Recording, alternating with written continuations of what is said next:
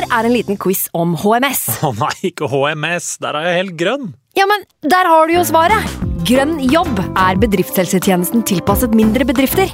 Våre HMS-eksperter hjelper mer enn 8000 bedrifter over hele Norge med alt fra lovpålagte HMS-krav til pålegg fra Arbeidstilsynet.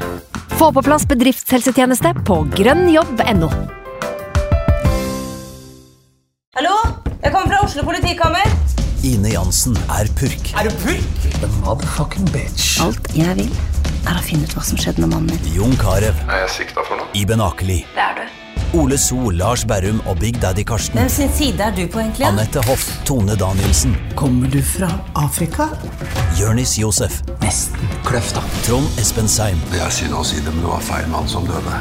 Purk. Premiere tirsdag på TV2 Play. I can't believe it. Football, bloody hell.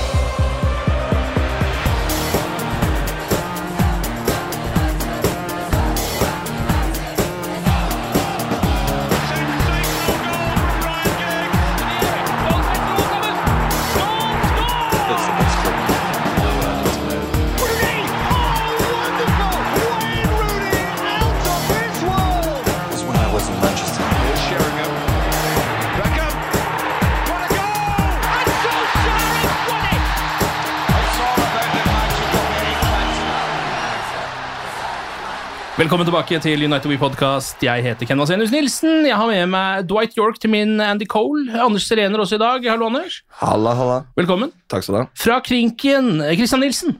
Thank you. Velkommen til deg også. takk, takk. Vi hadde jo egentlig um, kledd rommet for begravelse i dag. Den må vi bare avlyse, faktisk. Rett og slett. United Pasienten never lever. die. Vi er eh, høyst levende her vi sitter.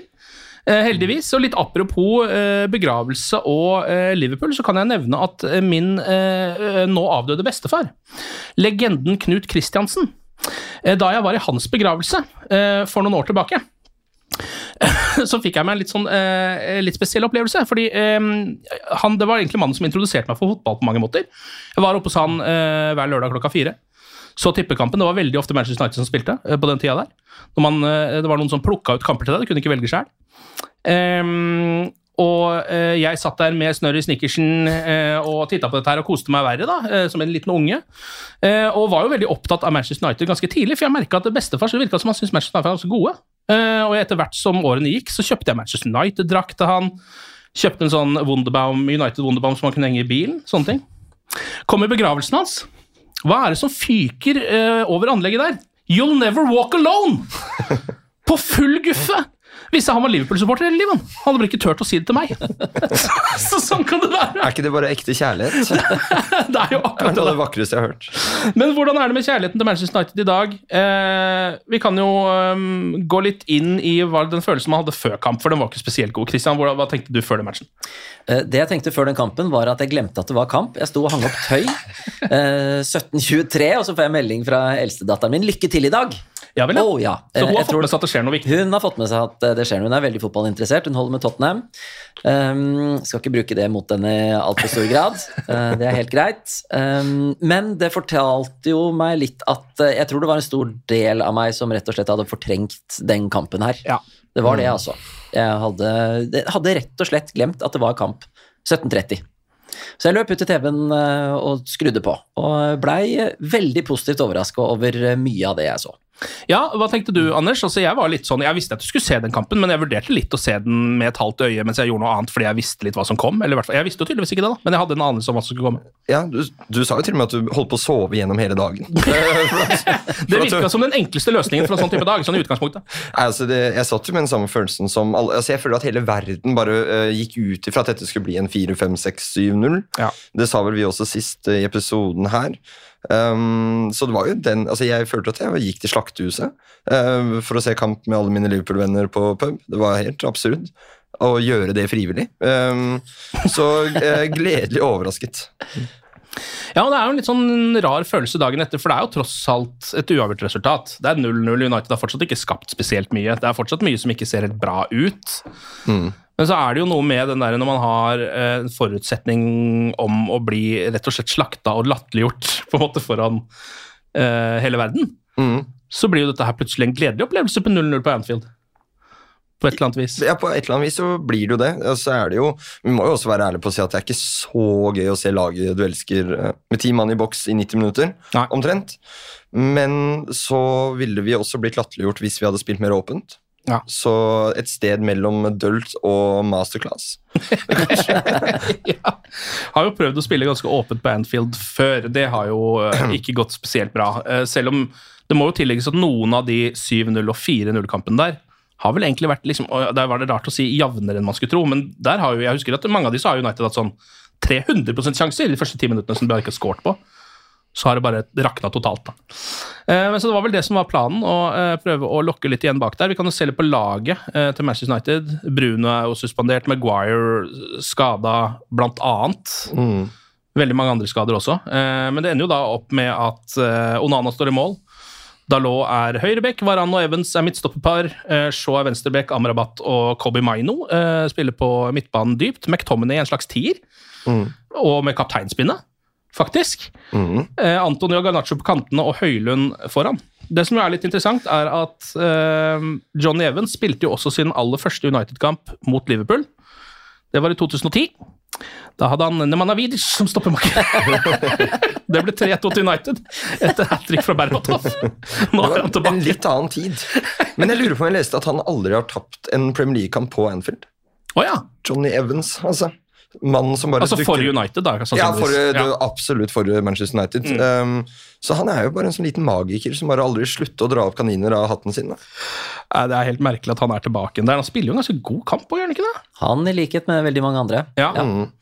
Um, og så kan vi jo nevne at Før kampen er i gang, så er jo eh, kampene uh, mellom supporterne på mange måter i gang utenfor stadion. Det er vel til og med en del uh, Liverpool-supportere som uh, angriper spillebussen Ja. til Manchester United. Det var ikke så mye prat om det, jeg så det bare i noen sånne små notiser rundt omkring. Det fikk jeg ikke med meg engang. Jeg tror Liverpool la ut en sånn eh, fordømmelsesplakat, på en måte, etter at dette her skjedde. Ja. Ja, de var ganske harde i, eh, i fordømmelsen, eh, og det skal man jo være. Og så har det blitt et litt sånn mønster eh, på Mercyside når både City først og fremst, som har utvikla veldig rivaleri med Liverpool, og United har kommet på besøk, at spillebussen har blitt et yndet eh, kaste-på-objekt. Ja, Det er jo selvfølgelig sånn som skal fordømmes, for det er jo altså Det er jo ganske lavmål å gå til angrep på de spillerne, føler jeg. Én ting er jo at supportere kan slenge litt dritt til hverandre og kanskje, kan kanskje fyre seg opp litt etter hvert, og at det kan oppstå noe håndgemeng, har jeg litt mer forståelse for.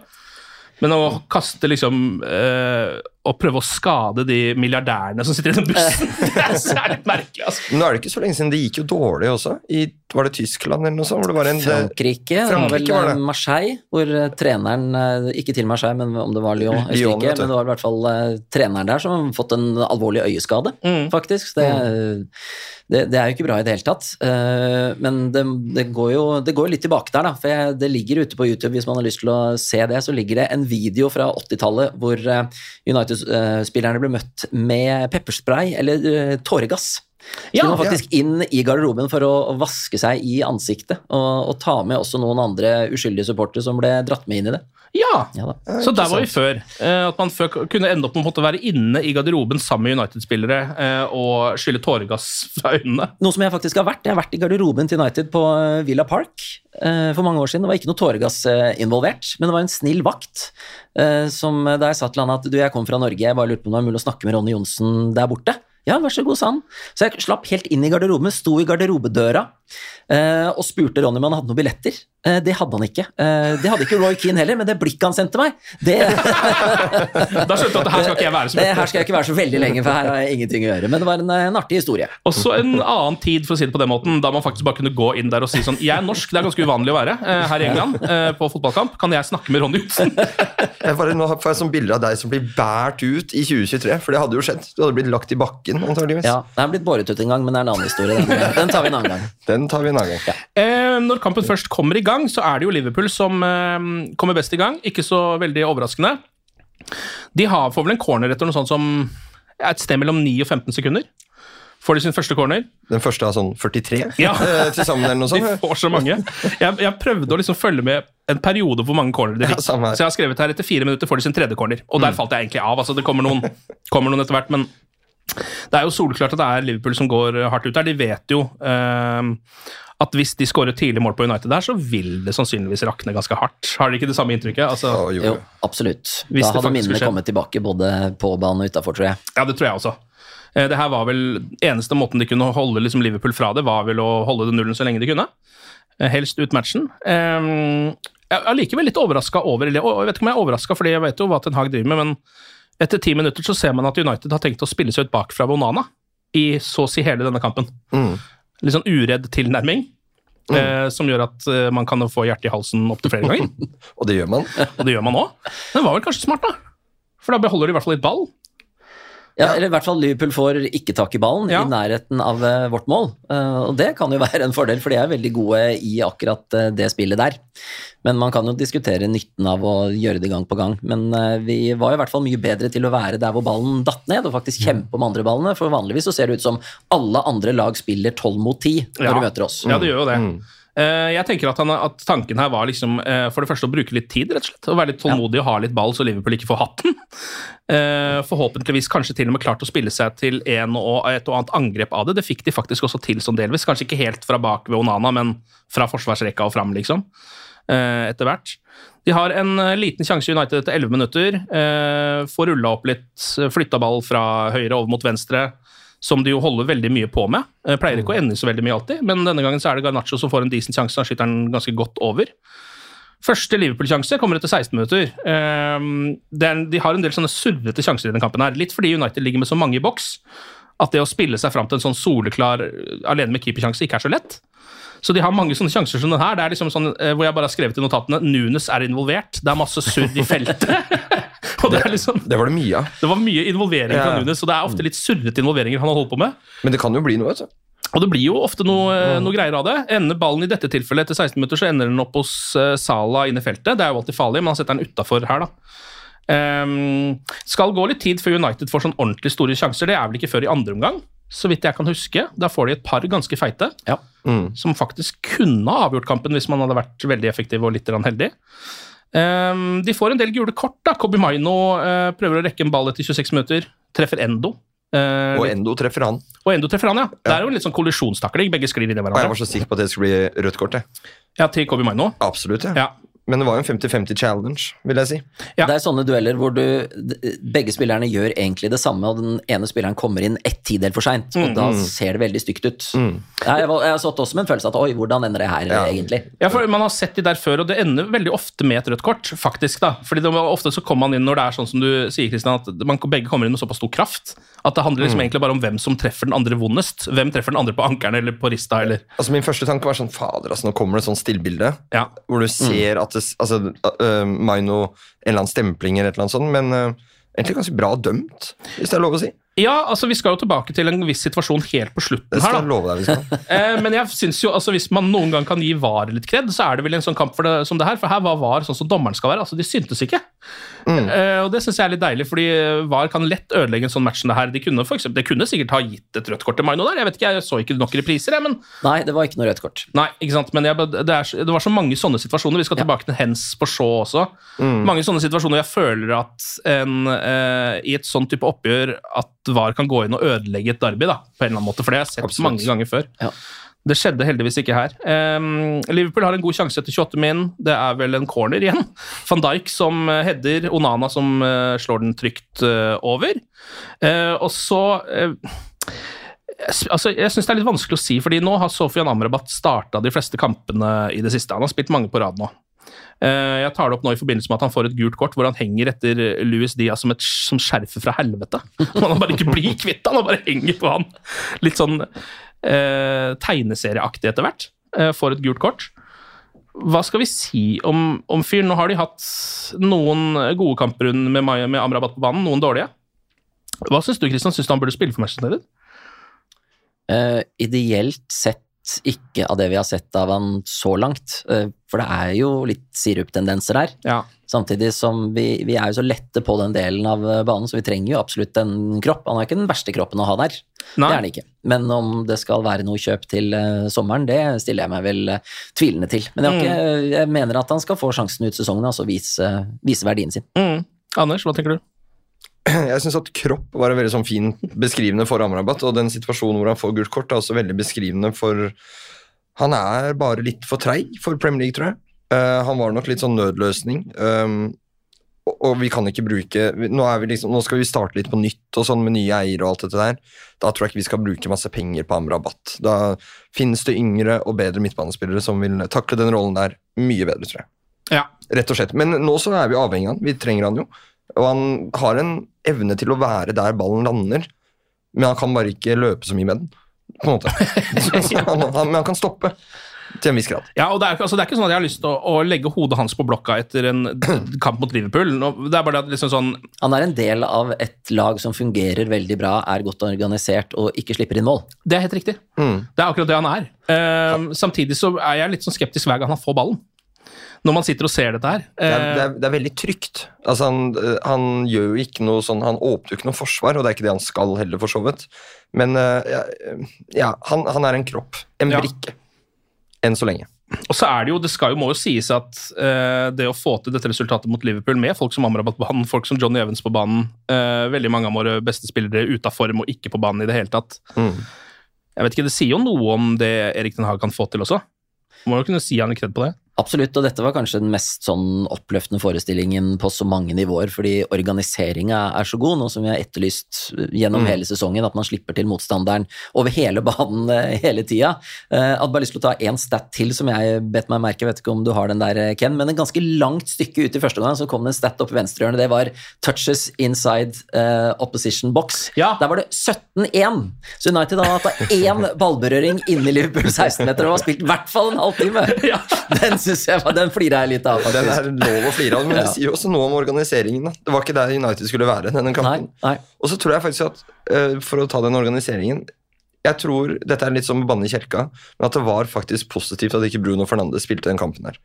Fordi jeg tror det ville Ten Hag sitt system er jo helt avhengig av at absolutt alle gjør sin jobb og er der hvor de skal være. Men Bruno løper mye, han da. Det gjør han, men ofte så befinner han seg steder han ikke skal være. eh, Fordi at han prøver å løpe i rom som andre også ikke eh, er i. Ja, det er viktigere å løpe riktig enn å løpe mye. Og det gjør nok eh, McTominay i en sånn type kamp, hvor man skal ligge i en lav blokk. Og, eh, så kanskje en liten blessing in disguise, på en eller annen måte.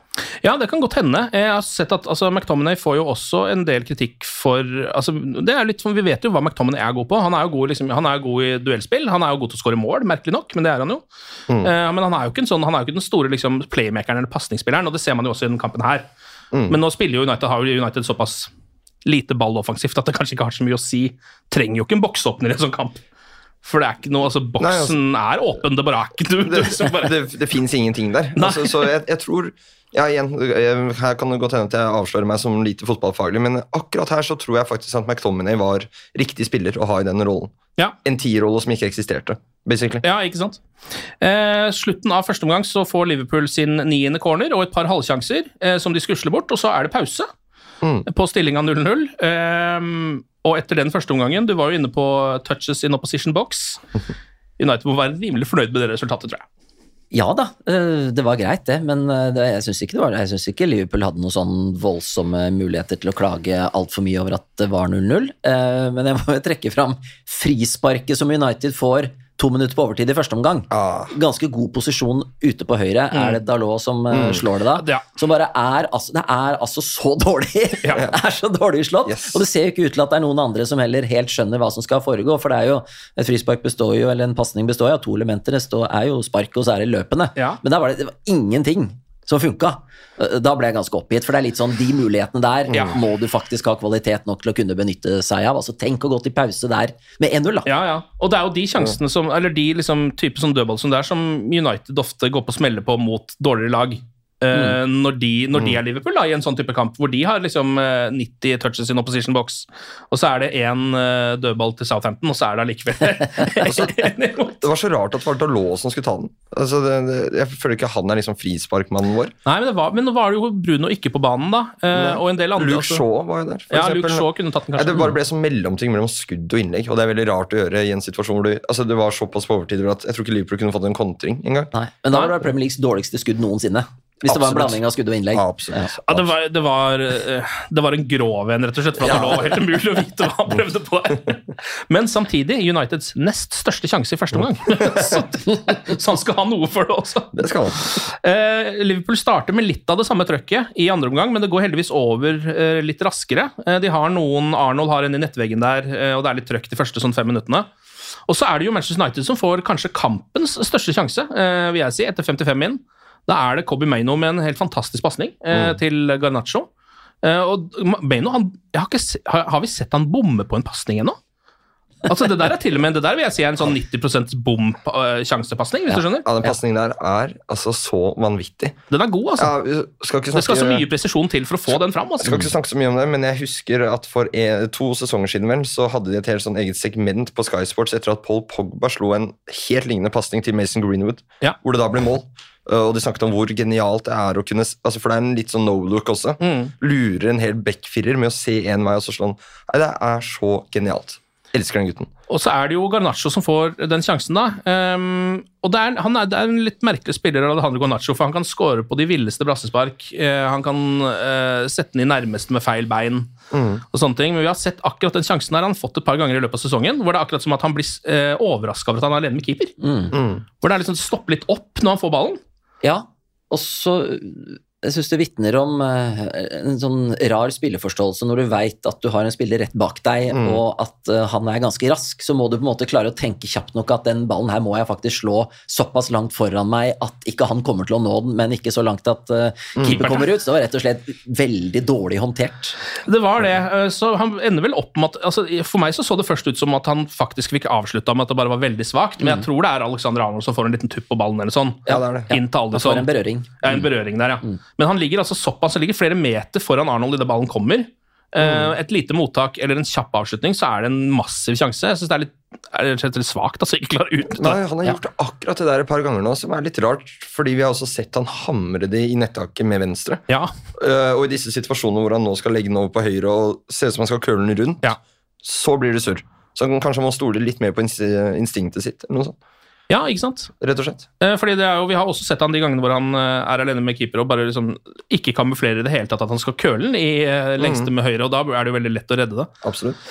Men United i hvert fall litt, sånn, litt med i kampen, føler jeg, etter en sånn sjanse. Da viser det seg at den kampen her går det faktisk an å vinne, på en måte. Selv om det skal en del flaks til. da.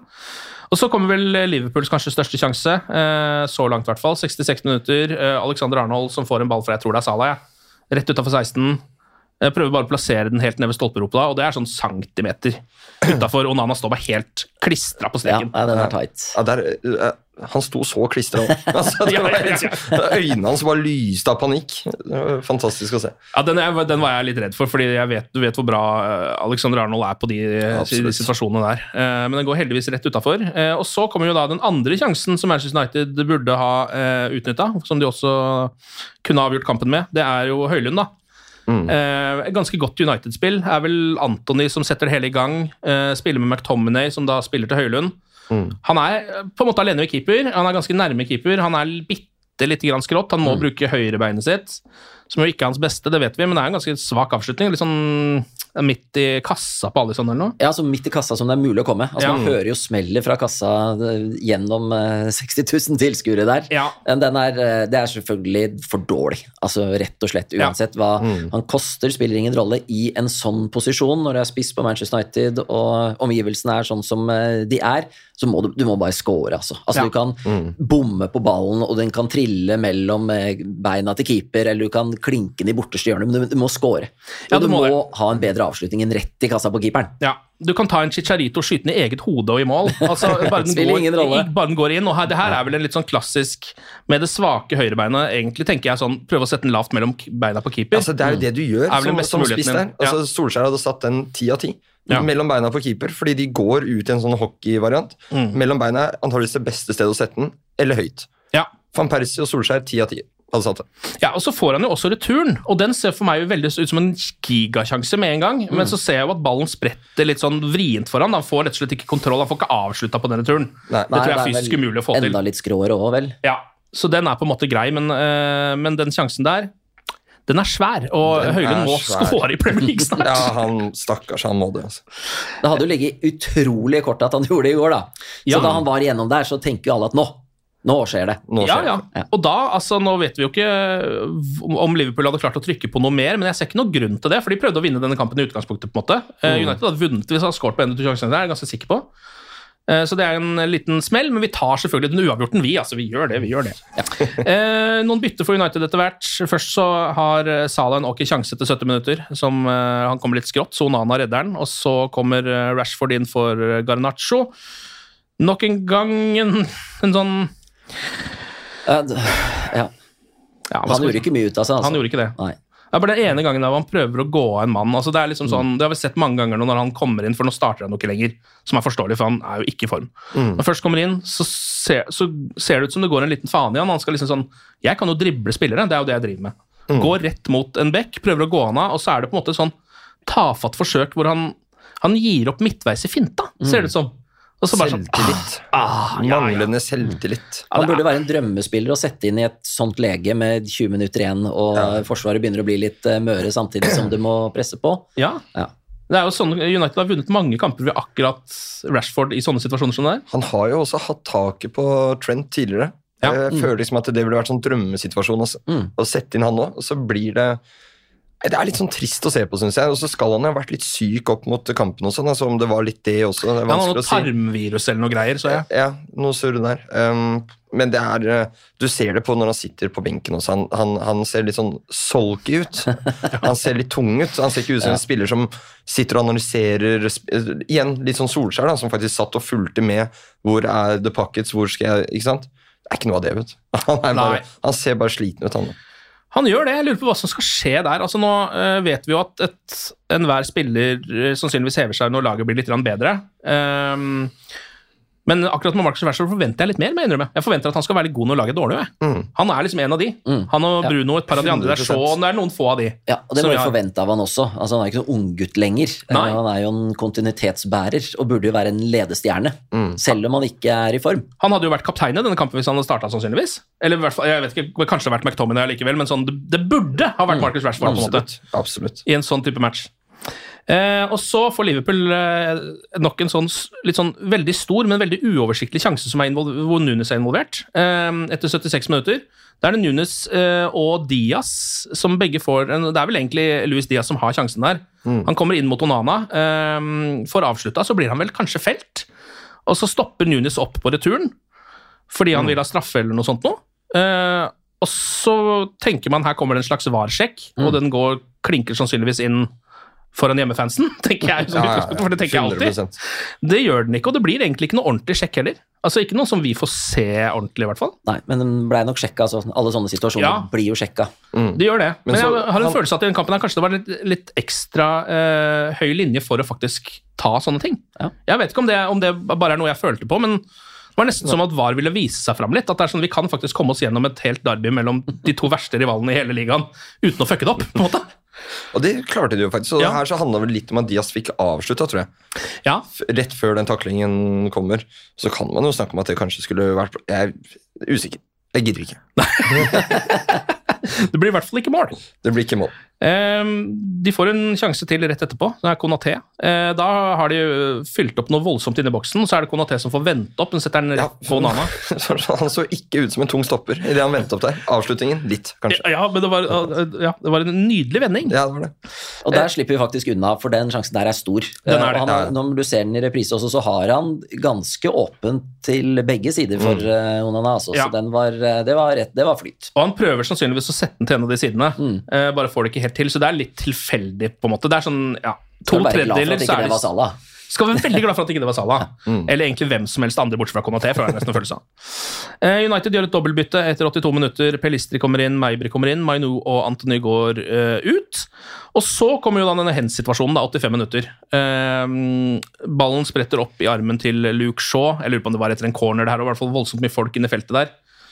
Eh, blir ikke, går heller ikke til sånn skikkelig var, som det heter. De sjekker det, men vi får liksom ikke, det er ikke sånn VAR checking for penalty. Nei, eh, den sjekkes. Han, han får jo en beskjed på øret der, Oliver, gjør han Ja, ikke det? Eh, men der er jo min oppfattelse av situasjonen at altså, du, har jo, du har jo litt å gå på når det gjelder armen ut fra kroppen, og han er nok helt, helt i grenseland der. Mm, Altså, jeg mm. tror at hvis armen er fem centimeter lenger opp, for med en gang silhuetten din begynner å bli litt større, Mm. eh, så kommer det til å bli blåst på den, selv om ballen kommer fra kort hold. Så det er igjen, den er utrolig marginal, og det er sånn, jeg hadde ikke blitt overraska hvis de hadde dømt på den, altså. Nei, det har vært vanskelig å si noe på, for vi har jo sett det bli dømt på akkurat sånne ting veldig mange Mm. ganger. Vi hadde bare sagt typisk. Det tror jeg er det vi hadde gjort. ja, altså, fordi det hadde ikke vært noe annet å si. Nei. Men jeg syns du hoppa litt eh, fort over byttet der. For Ja. hvem var det egentlig som kom inn for Manchester United? Eh, ja, var det ikke Pelistri og Meibri, da? jo, men eh, at det var eh, Hannibal som kom inn der, det tok ganske lang tid før både jeg og min byrdige kollega i kommentatorboksen fant ut. Og jeg må si, Da jeg så bildet av ham første gang, så, så lurte jeg på hvem er det? Ja, for han har brada opp håret. Så han så litt annerledes ut. Altså, jeg, heller- jeg husker jeg ikke helt kjente en Lisa når hun kom hjem i seks, eh, det var sjette klasse fra Kreta. For da hadde hun også fått sånne braids Ja. i håret. Og det var en ting før i tiden. Ja, ja. Jeg glemmer at det fortsatt skjer. Det gjør det. Eh, Jeg må si jeg synes Hannibal altså Hannibal har jo et fantastisk hår, nesten uansett. da Han ser jo helt rå ut. Eh, Men jeg syns han kledde det ok. Jeg foretrekker originalvarianten. Ja, Altså. det gjør det, ja. Den litt mer eh, afro-varianten. Litt Jeg synes større hår. det er Ja. ganske kul. Ja. Men han løper jo mye da, han kom inn. Ja da. Det, det skal han virkelig ha for. Han fikk et par eh, viktige frispark. Altså, Ja. Det er jo bare noen minutter igjen når han kommer inn, på en måte, eller tid da, med litt overtid og sånn, men det er jo da United bare må akkurat ha de der. De må få tak i litt ball, de må legge seg ned og få frispark drøye tid. Det er det eneste Mm, de kan ja. gjøre, tror jeg, for å komme unna. Og det er vel rundt der et eller annet sted at eh, Luke Shaw tar et jeg må bare kalle det et nydelig gult kort. Ja, det er på Konaté, tror jeg. Ja, Det er en sånn kapteinsverdig eh, stoppe en overgang-gult kort. Ja, det er jo bare- faktisk, Der skal jo Hannibal Meibri ha frispark, eh, og så får han ikke det. Mm. Eh, og så ser Konaté setter i gang noe, en voldsom overgang, Mm. og så bare meier han ned. Ja, og så kan du kalle det usportslig, du kan kalle det, men det er, det er det akkurat sånne karakterer Manchester United uh, trenger. Ja. Det er virkelig, for eh, Hvis ikke så kan det der fort bli mål. Og det har vi faktisk sett skje en del ganger mot United, at spillere ikke gjør det der. Og så blir det mål eller en farlig sjanse. Luke Shaw, ikke noe kødd. Nei, det var en kynisme der i går som eh, vi har mangla av, og som andre lag på toppnivå viser. Da må vi også gjøre det. Absolutt. Eh, og det er jo det som er litt gøy med den situasjonen, for det er liksom sånn, den, den type takling som det er, det er jo som du sier, Anders, det er jo usportslig egentlig, men det er også profesjonelt. Så Ja, ja. det er litt sånn selvmotsigende, på en måte. Mm. Det er liksom alle, de, eh, de, alle spillere med en viss vinnerskalle som har spilt noen fotballkamper, tar det gule kortet der. Altså, det er Ja, altså Det forventes at du skal ta det. det er spilt 88 minutter. Eh, Det er sånn, enten så Ja. kontres det nå, så kan det bli en massiv sjanse, eller så tar jeg bare et gult kort. Jeg tror Pep satt foran TV-en og applauderte da, Ja. den, eh, da den kom. Det hvis- tror jeg, han er jo eksperten, han er eksperten på det der. Hvis han applauderte, så tror jeg José Mourinho løp rundt huset sitt og feiret uhemmet. Ja, det var så, da, så jeg er ikke Ja. helt sikker. Jo, for dette har han lært han. Hans verk. It was me. Og så kommer jo da det som på en måte blir eh, det store samtaleemnet etter den kampen her, bortsett fra at kampen ender 0-0, for det er et samtaleemne i seg selv. Eh, Men det er jo da det røde kortet til Dalot. Fire Fire minutter på overtid her. Ja. Altså, eh, Det starter jo med at eh, Manchester United skal ha et innkast. Eh, Det er det første. Det ser ganske klart ut for meg også, det innkastet der. Ikke noe å diskutere. ikke noe å diskutere. Det er fire minutter på overtid, og det er såpass langt opp på Uniteds halvdel at det å få et innkast mot er faktisk ganske farlig. Mm. Altså Det er litt sånn, det skal helst ikke skje akkurat nå. Nei. Det er bare ett minutt igjen av kampen. Så liksom hvis man får den ballen opp, på, opp til den andre halvdelen, så er kampen mer eller mindre avgjort. Så det innkastet der er sånn, det kan være kan avgjøre kampen, da, på en måte. Ja. Mm. Ja, men faktisk, det kan jo det. Definitivt. Ja, ja, Et innkast er bare et innkast, men akkurat i denne situasjonen så får man en sånn å nei, å nei. Mm. Eh, og Dalot syns jo ikke noe om det, så han eh, vifter først Eller hva skal man si, han vifter ikke, han hva hva skal man kalle det, han protesterer ganske kraftig. da. Slår eh, litt med hånda eh, for at han da ikke får det innkastet. Eh, Michael Oliver løper bort og gir han et gult kort. Det er helt greit.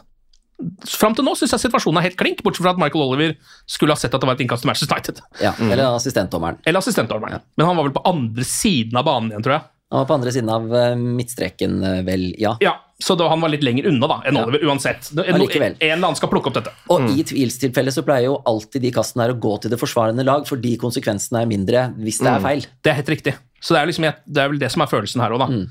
Ehm, men så får jo da Dalot det eh, gule kortet, og da protesterer han en gang til. Mm. Altså Han gjør akkurat det samme, egentlig, vifter med hånda på akkurat den samme måten en gang til. Eh, Oliver drar fram et gult kort til, Mm. og det betyr rødt kort til Diogo Dalot. To gule er rødt. Er det der noe man har, har dere sett det der før? Altså at, at man får to, gule i mer eller mindre den samme situasjonen. Jeg vet hva, Vi snakka litt om det før start her, og jeg prøvde å spole tilbake. og Det har helt sikkert uh, skjedd, men jeg kan ikke huske å ha sett det. Og jeg kan ikke huske å ha sett det i en sånn kamp hvor det er så mye som står på spill. og altså, En dommers viktigste oppgave er det som kalles game management. Å mm. Å lese spillet, lese spillerne. Og at uh, Oliver gjør det som han gjør i den situasjonen der, det er min mening, helt objektivt selvfølgelig, fullstendig sjanseløst. Ja. Hvis det skal skape en presedens, da er jeg spent på hva som skjer eh, i tida som kommer. Og at Núñez, etter det der stygge overfallet på Evans der, som ja. Eh, er oransje, mm. hvor han holder på to ganger mm. med applaudering og glising og, mm. og, det der, at ikke han får det, men så velger han å gi det til Dalot på det tidspunktet. Mm. Jeg, jeg, jeg, skjønner ikke det. De to situasjonene kan jo sammenlignes, vi var ikke innom den i eh, lille kampreferatet her, men det er jo øh, Núñez som øh, først og fremst skal ha et, altså han skal ha et kort til å begynne med der. Eh, og så klager han i til han får han kort, og så klager han i tillegg. Eh, han kjører vel den gode gamle eh, klappinga, nesten. Sånn mm. ironisk applaus. Nesten, det er jo akkurat, altså og det er vel per reglene gult kort, er det ikke det? Altså Ironisk applaus, det er sånn Jo, jo, det, det skal være klink gult. Når du ser den situasjonen der i saktefilm, og du ser Nunes ser på Evans mm planter albuen midt i kassa hans. Mm. Det er nesten rart at ikke det blir sett på av VAR, syns jeg. For er, det er veldig klart. Og så får han jo eh, Ballen ligger og spretter der. Han prøver å skyte mot mål. Åpenbart så treffer han ikke mål heller. Og så applauderer og alt det greiene der. Det er veldig rart, altså. Ja, men samtidig, altså, det er litt sånn, jeg, jeg, i en sånn type kamp så vil man man vil vel ikke gi litt sånne rare røde kort i sånne kamper. Det, eller sånn, håper jeg, da. Nå endte de opp med det. Men, liksom, det, det, det, det, de Den tesen holdt liksom i 94 minutter. Den holdt helt i kampen på det. Men du skjønner hva jeg, du skjønner ja, hva jeg vil? Ja, jeg er helt enig, ja. Altså, man vil jo ikke ødelegge sånne type kamper som det For det Nei. første tror jeg dommerne tenker at det er ekstra fokus på dem, og så tror jeg det er liksom um, altså, Akkurat de type kampene skal man liksom på en måte la lagene bestemme hvem som er best. da, på ja. en eller annen måte. Ja. Det skal ikke være noe dommekødd. Mm. Uh, men i den situasjonen her så blir det jo det. Heldigvis har jo ikke det så mye å si siden det skjer så seint, men det er jo en veldig rar sak. Nå må Dalot stå over kamper. United har egentlig ikke råd til det engang. På en måte, er såpass mye skader. Prøvde panisk å bytte inn Bisakka der på tampen. Jeg har aldri sett noen prøve å få på seg drakt så fort uten, uten, at det gjorde noe. Men det er faktisk um, jeg, jeg ville jo heller ikke sett Nunes utvist, for man vil ikke se sånne teite utvisninger. Nei, nei, nei, det. Men da er det, det er det at dommerne i Premier League ikke klarer å være konsekvente. Det syns jeg er rart. I sa ja. Samme dommer i samme kamp. Ikke sant? Det er veldig rart. Det føles nesten ut som det røde kortet ble gitt for at det ikke ble gitt til Nunes. Altså, så, skjønner du ja. hva jeg mener? Ja. Veldig sånn det er, det er, dårlig. Det er dårlig. Jeg tror det nærmeste jeg kommer noe lignende, er Jeg har sett en Premier League-kamp, jeg husker ikke hvem det var, men det var en som da eh, på en måte eh, først eh, fikk et gult kort for en takling, og så ble det fordel. Og så ja. løper han etter og river i trøya, så han får på en måte to gule mm. I, mm. i, løpet av ett frispark. da. Mm. Eh, men allikevel, det liksom, det, det er, for meg klinkere enn dette her. fordi mm. For det første så må det jo være en forståelse hos Michael Oliver om at det, det kan hende jeg har gjort noe feil her, når folk reagerer såpass hardt. Mm. Uh, og det er, en, det er en, uh, et høyintensitetsoppgjør. Det er helt på slutten. Det er soleklart at det blu, altså bruser i blodet til samtlige spillere utpå der. Ja. Jeg føler at man må ha litt takhøyde for det òg, da. Altså sånn ja. Definitivt. Og så er jo dessverre ikke det her noe VAR-mat. For VAR Nei. skal ikke se på sånne situasjoner som det der. Så det mm, fikk ikke noe hjelp eh, derfra heller. Gjorde ikke det. Eh, heldigvis så har ikke det så mye å si, for kampen ender uansett 0-0 eh, etter den absurde situasjonen på slutten der. Eh, og det vil si at United spiller sin første uavgjorte denne sesongen. Ja. Er ikke det, er ikke det spesielt? Er ikke det rart? Det har jeg ikke tenkt på engang. Men, men det, er, det, er, liksom ikke noe rart når det er United. Det er, hva er rart? Altså, ingenting, er, ingenting, er normalt med denne klubben lenger. Nei, altså Det eneste som vi vet om United, er at det er umulig å bli klok på de. Eh, yes. Eh, og det er jo akkurat det denne kampen sier òg, for alle tror at de skal tape den kampen. Soldahl blir 0-0, det. Det er helt mm. umulig å skjønne hva som skjer med det laget. Mm. Det er vel også Liverpools første målløse kamp på 34 matcher, eller noe sånt. Ja. Mm. Som jo man må gi litt kred til uh, Ten Hag og United-forsvaret for. Første poengtapp denne sesongen vel på hjemmebane for dem? Ja, det er det også.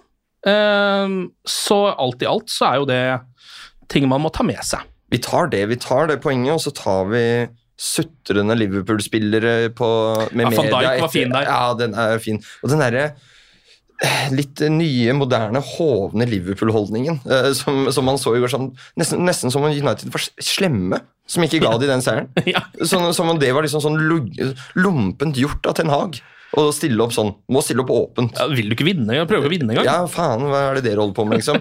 Akkurat fått seg en ny sånn der uh, singing-greie, ny stadion, som var helt knusktørr, stille. Det var ingenting som stemte for Liverpool den kampen der. Nei, det var Og så er det vår feil, liksom. Det var overraskende stille på Anfield. Altså etter at de sang You'll Never Walk Alone, så hørte jeg ikke et knyst.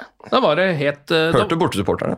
Ja, innimellom. Men altså, det var, det, det, for det er jo det som pleier å skje uh, med Liverpool, at de får i gang fansene sin så voldsomt, i hvert fall mot United. da, At det nesten bare er å legge seg ned og dø. Men det skjedde jo ikke her, så det var jo veldig fint. Um, Varan, veldig god. Absolutt. Veldig bra. Ja. Klarer vi å skjønne hvorfor han ikke spiller kamper? Eller nå gjør han jo det, da, men Eh, Det, er- det er fortsatt litt vanskelig å forstå, selv om man har hørt uh, forklaringa. eh, så det må jo ligge noe annet eh, bak der. Men eh, det, er, eh, det er kjemperart, uansett. For jeg sitter liksom med en følelse av at selv om Maguire har vært god, og resultatene i en del av kampene han spiller, Uh, har vært gode, så hadde det vært enda bedre hvis Varan er der, fordi han er en annen type, og han har noen ferdigheter og egenskaper som gjør at man kan stå litt høyere, f.eks. Så det er, altså, det er veldig rart. Mobilitet og fart. Ja, nei, det, jeg syns det der er utrolig merkelig. Altså. Jeg, em, jeg har skjønt at det er noe annet enn det sportslige det kanskje går på, da. Uh, men samtidig så har jeg tenkt at det må ha vært noe Altså at en manager allikevel, ikke bare for, for, bare for å dekke sin egen ræv, på en måte, uh, vil vrake en spiller som soleklart er god nok for laget. Hvis du skjønner, Det, det gir ikke mening for meg å gjøre det. Uh, men da, jeg har tenkt at det, at det er noe sportslig også. Altså At det kanskje handler om noe annet, egentlig, men at han liksom på en måte også er sånn Jo, men han er faktisk, viser seg på trening at han er ikke så viktig som vi trodde, så det går an å benke han. Men nå ser det jo ikke ut som det er tilfellet i det hele tatt. Du kan ikke ta han ut av laget nå. Iallfall, Nei. mener jeg. Og så leste jeg vel også i stad at, uh, at han nå ønsker å bli. At han håper at United utløser den der eh, klausulen eller opsjonen på et år til. Ja. Så kanskje de har skværa opp på en eller annen måte. Det virker jo litt sånn. Jeg syns han han var stor i går. jeg, Altså. Han var det, altså. Og så har han kanskje litt flaks siden Maguire nå er skada. Mm. Og det vi vet med Varan, det er jo at han er jo en vandrende skade. Så Ja. vi får se hvor mange kamper det blir eh, på rad her før eh, Maguire er tilbake igjen og er, er frisk. Og hva gjør Ten Hag da hvis han har begge friske på samme tid? Og Martinez også begynner å røre på seg. Det blir spennende. Ja, han er jo veldig opptatt av den venstrebeinte stopperen sin. da. Mm. jeg vil jo tenke at nå, akkurat nå er klink å bare kjøre Varan og Maguire når han kommer tilbake igjen, sammen. Så enkelt er det sannsynligvis ikke, for jeg er jo ikke manager, vet du, så jeg kan jo ikke dette her. Eh, Evans var jo også god, for, for all del. Eh, var mye bra bak i forsvaret generelt. Jeg syns Kobi Maino var vel, veldig god. Ja, det er helt En av de fenomenalt. beste. Ja, Ja, det er veldig, veldig bra. Det er helt vanvittig hvor mye United har savnet en sånn midtbanespiller. Mm. En spiller som du sa du selv, han slo ikke feilpasninger. Han gjør de riktige tingene, han har noen vendinger. Han, han har den derre Pirlo Busquets-roen Ja. som er helt sprøtt å se. Altså, ikke at de er like gode, men, men det er noe med den, derre, eh, den mentaliteten hans som en 18-åring. Det er vanvittig, altså. Det ser ut som han alltid har et halvt sekund mer tid enn alle andre utpå der. Mm. Ja. Han Altså- spiller med en eh, rutine og en autoritet som han skulle hatt 300 kamper i Premier League på høyest nivå. Fantastisk imponerende. Ja, i hvert fall igjen, altså sånn, Vi har jo sett eh, fyren spille gode kamper før, men det her er jo rikt, altså det her er liksom borte mot Liverpool. da. Mm. Eh, de verste rivalene til United, og i en kamp hvor alle bare tror du skal skli på alle mulige bananskall. Ja. Og så har han den- inn. Altså. Ja, det er jo det. Er helt vanvittig. Og så har han den roen der helt fra starten av, gjør ingen feil. Og så Han får jo også et ganske tidlig gult kort, Mm. hvor han er litt for seint ute. på en måte. Ja. Noe som for en 18-åring fort kan være sånn Shit, dette her går for fort nå. Men nei da, Altså, han, han virker så cool. Cool and collected. han gjør det. Og så vil jeg også Jeg må nesten bare trekke fram Luke Shaw i går. Ja. Syns han var stor. Uh, han er så tydelig en av de absolutt beste spillerne Manchester United har. Og at man så såpass lite til Salah som man gjorde Han var jo frempå så klart eh, et par ganger. Det er imponerende. Ja, det er det. Det er rett og slett imponerende. Uh, Shaw har hatt et sånn ok tak på Salah i noen matcher. altså. Ja, det, det hvisker vi. Eh, Ja, det vi, skal ikke, vi. skal ikke jinxe noe med det der. Altså. for høyt om det. Eh, har jo også kommet ut noen tall som viser at eh, Antony Marcial og Rasmus Høylund er de eh, offensive spillerne i ligaen som får minst service. Altså færrest pasninger eh, å jobbe med, rett og slett. Ja. Og Det er vel noe vi på en måte har sett, bare ikke klart å uh, sette tall på sjæl. Nei, Den er ganske uh, obvious. Jeg så også lignende tall uh, på um, kreative midtbanespillere i Premier League. Der var faktisk McTominay på den aksen bak aksen, omtrent. Altså som At han ikke har én produktiv eh, eller sånn oppfinnsom pasning. Han, var- han, han, han var så klart sist at det var helt skremmende, faktisk. Men det sier vel litt om midtbanen til United i år, kanskje. Ja, det gjør jo det. Eh, og så skal man jo ha Vi har vel aldri tenkt at McTominay egentlig er god på akkurat det. altså det er sånn, Han kan skåre noen mål og vinne noen baller, han, og så får det være nok det for en sånn type spiller. Eh, ellers så går det jo faktisk rykter om Donny van de Beek nå, og det har det ikke gjort på eh, flere Nei. år. Så det kan vi jo ta tak i. er et utlån til Bundesliga som skal være aktuelt. Eintracht Frankfurt har meldt seg. Eh, Fabrizio Romano som, blant annet, som har snakka om dette her. En låneavtale. da. Det må vi bare alle håpe at skjer, må vi ikke det? Både for hans del og for Manchester United sin del, og for, kanskje også for Frankfurt sin del. Det vet vi ikke ennå, men Han virker som en veldig ålreit fyr, faktisk. Ja. Han ser snill ut. Jeg tror han er ganske snill også. Kanskje det er litt av problemet. Eh, Han det bare å ønske lykke til eh, videre. Kommer nok aldri til å slå gjennom i United. Nei, han gjør ikke det. Altså, det, det, det er nesten så det sjokkerer meg hvis han, hvis han får så mye som en omgang for Manchester United nå. Nei, er, men så var det litt rart at han var på benken i går. Ja, Ja, fordi, altså, det er en mangel av, tror jeg. Ja, det må det være, for han virker å være egentlig helt klar Ja. eh, for det utlånet i januar. Mm. Og eh, Fjørtoft var vel ute og snakka litt om det også. Han har jo gode kilder i Tyskland. Men da, det sier litt om hvor manko United har eh, på spillere. Ja, da, Men nå er det jo ikke helt enormt mange skader da, akkurat nå. Ja, ja, ja. Altså, sykdom og skader og uh, hva som er her. Andre ting. Spillere i andre ligaer og sånn. Ja. Um, og så hadde vi jo en stopper, en 18 år gammel stopper på benken i går, som vel gjorde sin øh, matchdebut. Altså uten å komme på banen. da. Mm. Så vi må få spillere tilbake, altså. rett og slett. Ja, det vi snakka om hele sesongen, det er helt utrolig at når man føler at man begynner å se litt enden på det, så kommer det en ny runde. ja. Mm. Men at man fikk lurt så skadefri til den kampen her, for hvis han hadde vært ute, det hadde vært eh, ja, Vet du, det hadde vært det hadde krise, tror. Ja, det hadde vært krise. ja, nei, det, Nå skal de jo på en måte både eh, uheldigvis og heldigvis da ikke spille noe i Europa. Så uh, sakte, men sikkert så vil vel uh, det bli mindre belastning. Kanskje komme noen spillere tilbake. Ja, jeg er glad for at vi kom på fjerdeplass når vi ikke kom på andre. Rett og slett, Det Ja, ja. høres eh, kjipt ut å si, men det der var eh, mitt eh, klare førstevalg når man så at eh, dette ikke gikk veien. Bare få det bort, altså spille de 100 kampene der eh, i tillegg og torsdag-søndag. Nå er det som det er, og det, da har man de to turneringene å, å fokusere på som man er med i. Ja, De har jo åpenbart ikke eh, nok spillere til å spille i eh, både Europa og i Premier League og i cuper. Altså sånn, uh, er Belastninga blir for stor, da. Ja. Jeg tror det gjelder for veldig mange andre lag også, men eh, det- kanskje andre lag har litt bredere tropper. Jeg vet ikke. Uh, hvert fall Manchester United ikke, Det der er faktisk ikke fysisk mulig for dem Uh, i nåværende da måtte vi meldt avbud. Ja. Å, Takk, takk, men nei takk. ja, begynte å ringe rundt til eh, folk rundt omkring. Er det noen som kjenner en keeper? Nå er neste match eh, på lille julaften. Ja. Er ikke det koselig? Uh, klokka halv to, borte mot Westham. Det er ikke så gærent lag, det, da. Nei, og de vant jo nå forrige kamp, eh, og så har de jo David Moyes. Eh, Mm. Ja. Jeg nærer et usunt forhold til David Moyes etter hans eh, fullstendige bilkrasj eh, de ni månedene han var der, så jeg håper for å si det på den måten, jeg håper veldig at vi vinner. det gjør jeg også. Har du lyst til å komme med et resultattips på tampen her? Eh, Anders, hva tror du om kampen mot Westham? Du, det høres ut som en 2-1 for meg, altså. Ja, Til United. 2-1 til United, ja. Det er det mest optimistiske tipset du har kommet med på fire måneder. Absolutt, men uh, Jeg trodde du skulle si fire år. Nei, det er ikke det, det kunne det også vært, faktisk. Nei, men altså, Jeg, har jo, jeg treffer jo aldri, så jeg kan like gjerne prøve å være optimist denne gangen. Ja, Christian, hva tror du? Veldig usikker, fordi nå ligger det jo nesten litt sånn i kortet at siden dette var en så god, disiplinert eh, prestasjon med eh, en skikkelig god holdning, for man så det hver gang man vant en duell, hver gang man lagde et hjørnespark, så var det liksom Nå er vi der, dette skal vi holde. Da taper vi vel, da. ja, jeg skjønner hvor du vil hen. Jeg har sett dette her før, jeg òg.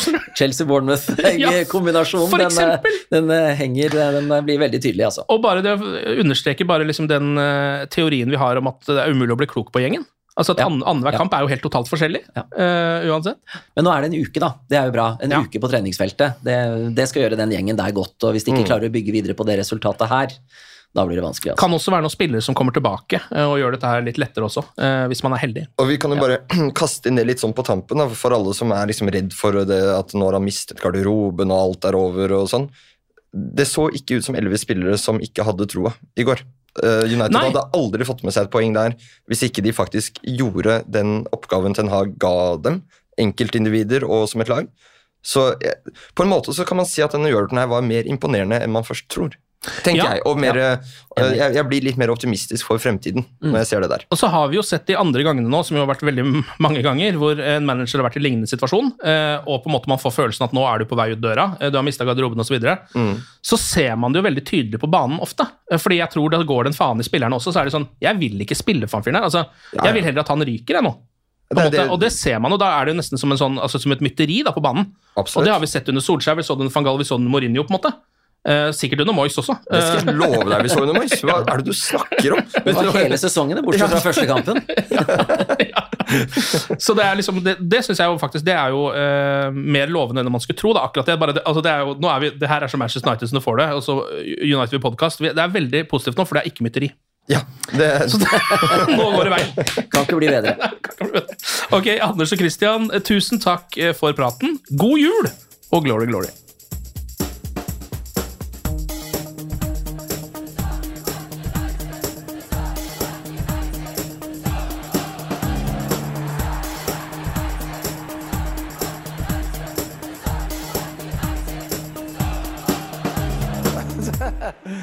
True.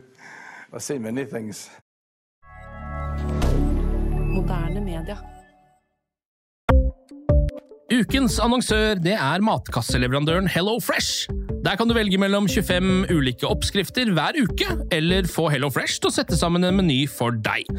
Jeg sparer tid på å handle, oppskriftene er veldig enkle å lage, og så får jeg akkurat det jeg trenger da, til hver eneste rett, så jeg slipper å kaste så mye mat som jeg vanligvis gjør. Det er også litt deilig å faktisk slippe å gå på butikken, ikke bare fordi det er tidkrevende og sånn, men fordi man ender opp med å kjøpe så mye greier som man egentlig ikke trenger, sånn som fire poser eh, Smash og en kick med havsalt, eksempel. Det er ikke det du egentlig er der for, du er der for å kjøpe, kjøpe middag. Så det er en veldig eh, kjekk ting. I tillegg så er det jo eh, ferdigporsjonerte ingredienser, det blir mindre matsvinn, og du betaler bare for det du faktisk trenger, og det du faktisk da spiser. I tillegg så blir det da levert på døra til et eh, fastsatt tidspunkt, sånn at du kan få det akkurat når det passer for deg eh, sjæl. Hvis HelloFresh høres ut som noe for deg, så har jeg en rabattkode du kan bruke også. Gå inn på hellofresh.no og bruk koden HelloUnited24. HelloUnited i ett ord, også 24, og få opptil 1779 kroner i rabatt på de fem første matkassene dine hvis du ikke har prøvd HelloFresh ennå. Du kan også bruke koden hvis du tidligere har vært kunde, men har stoppa abonnementet ditt for tolv måneder siden eller mer. Det er ingen bindingstid, og du kan pause eller avslutte abonnementet ditt akkurat når du selv måtte ønske. Husk koden HelloUnited24, og bon appétit!